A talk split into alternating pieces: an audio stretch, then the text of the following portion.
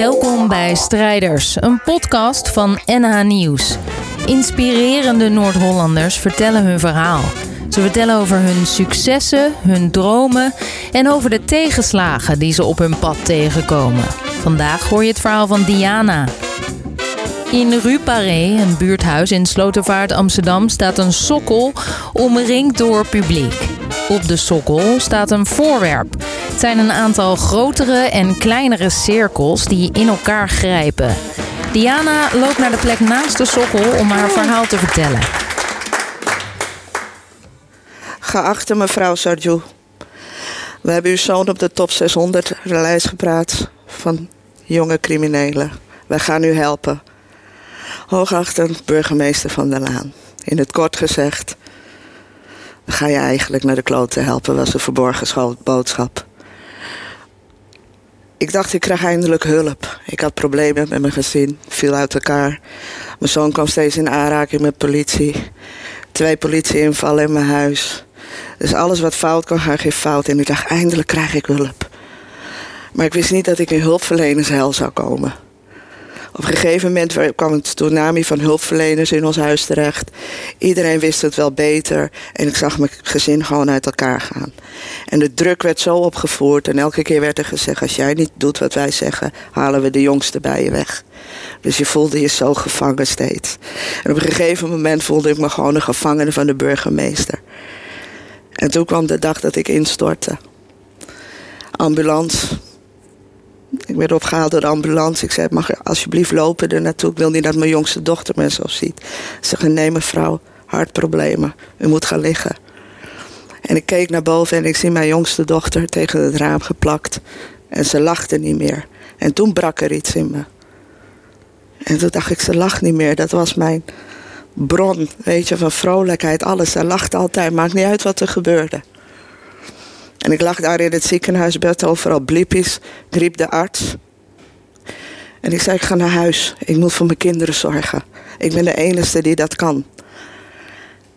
En uiteindelijk zei die arts, nee mevrouw, u moet nog blijven liggen. Ik zeg, nee, ik ga naar huis. Hij spoot iets in en ik was weer weg. En ik dacht, nee, ik dacht, toen kwam ik weer bij, hield mijn hand op die infuus. Ik dacht, ik ga het geen tweede keer doen. Ik zeg, ik moet naar huis. Ik moet voor mijn kinderen zorgen. Want ik ben de enige die ze hebben. Nou, twee weken ben ik gaan, heb ik gelegen op de bank en ik dacht, ik moet terugvechten. Ik moet mijn leven terugpakken. Dit zijn mijn kinderen. Ik heb ze op de wereld gezet. Ik ga voor ze vechten. Schreef Van der Laan. Ik zeg, weet je, een mooi plan op papier, maar realiteit werkt niet.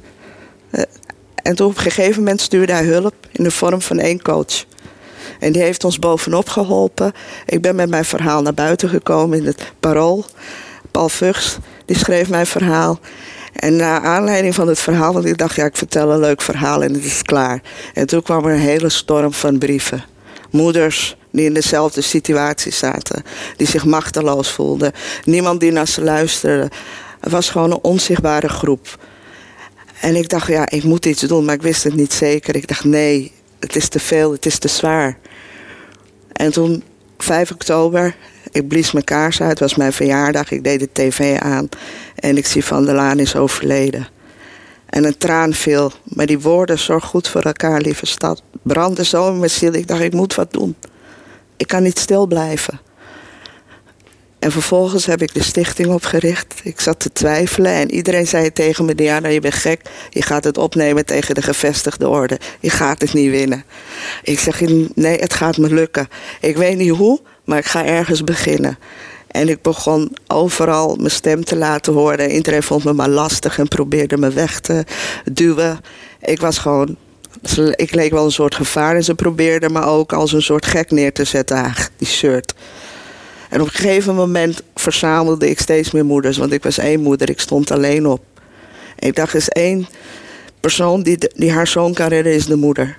En daarom zeg ik, de moeder is de sleutel. Want dat is, zij heeft hem negen maanden onder haar hart gedragen. Ze had niet de droom, maar hij gaat iemand beroven, hij gaat iemand liquideren.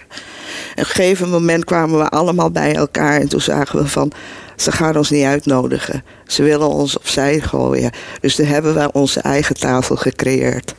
En nu vechten we op alle vlakken voor onze kinderen. We schrijven brieven, we gaan naar de Tweede Kamer. We luisteren naar iedereen. Maar we schrijven ook hulpverleners aan, we spreken ze ook aan. En op een gegeven moment kwamen de jongeren ook erbij. En toen zag ik ze voor wie ze was. Al die talenten, die pijn in hun ogen. Als je hoort dat een jongen vanaf zijn negende net niet goed genoeg is. Maakt niet uit wat die jongens doen. Ze zijn nooit goed genoeg en dat ze dat met zich meedragen. Dat ze niet goed genoeg zijn. Dat ze er niet bij horen. En die moeders die worden meegecriminaliseerd. En toen dacht ik, nee, we gaan terugvechten. Dus elke steen die ze werpen, gooi ik er twee terug. Dat doe ik constant. Ik dacht, nee, je blijft van mijn moeders af. We zijn nu landelijk met honderd moeders. Met kinderen in problemen. Jeugdzorg, het hele systeem noem ik sociaal gehandicapt. Want hoe wil je mij helpen als je zelf sociaal gehandicapt bent? Ja? Hoe wil je deze jongens helpen als je niet ziet voor wie ze zijn? We zijn geen nummer. Je kunt ons niet in een hokje plaatsen. Ik ben een moeder, ik ben een vrouw, een sterke vrouw. Je gaat niet mijn waarden afpakken. Ik geef waardes terug. En je blijft gewoon van ons af. En je gaat ons nu aanhoren. Je gaat ons betrekken bij de hulp. En niet tien hulpverleners. Ik wil maar eentje zien. We zijn geen probeersel. Want het lijkt net of iedereen ons uittest en we gaan dit proberen, therapietje hier, therapietje daar. Maar niemand hoorde ons. En nu zien ze ons en we gaan nergens. En we blijven. En ik heb meegenomen, dit, de cirkel, staat ook voor mij de alfa, de omega. Ik ben het begin, ik ben het eind. Maar het staat ook voor de baarmoeder, waar het fysieke leven begint en ook kan eindigen. En de cirkels staan voor de maatschappij. Dit is hoe wij moeten werken. Wij moeten samen gaan werken. We moeten in elkaar versmelten, want alleen zo gaan wij onze jongeren redden. Zo gaan we onze jongen behoeden voor criminaliteit. Als we samen één worden, als iedereen aan zelfreflectie gaat doen, als iedereen kritisch naar zichzelf gaat kijken: oké, wat kan ik doen om zo'n jongen te helpen? Wat kan ik doen om zo'n jongen te beschermen? Voor erger. We moeten met z'n allen handen in één slaan. Het gaat niet om ego. Het gaat niet om wie het vaandel draagt. Want zo is het nu. Want nu krijgt iedereen maar een doekje voor het bloeden. Van hier, kom, we helpen je. Oh, sorry dat dat is gebeurd. Maar voor de rest wordt er niks gedaan. Niemand gaat kijken wat het diepliggende probleem is. Pak armoede aan. Pak kansen. Weet je, bied die jongens perspectief. Je gooit de jongen in het traject, staat hij op straat. Dakloos. En zo blijft de cirkel doorgaan. En die cirkels moeten we doorbreken. En dat kunnen we alleen doen als we samen één worden en om deze jongens heen gaan staan. En niet elkaar als concurrentie gaan zien, maar elkaar als partners gaan zien. Alleen zo gaan we het redden en zo kunnen we criminaliteit aan. That's it. Dit was het verhaal van Diana uit de serie Strijders van NH Nieuws. Abonneer op deze podcast, zodat je vanzelf de nieuwste afleveringen krijgt. En alles over onze strijders vind je terug op nhnieuws.nl slash strijders.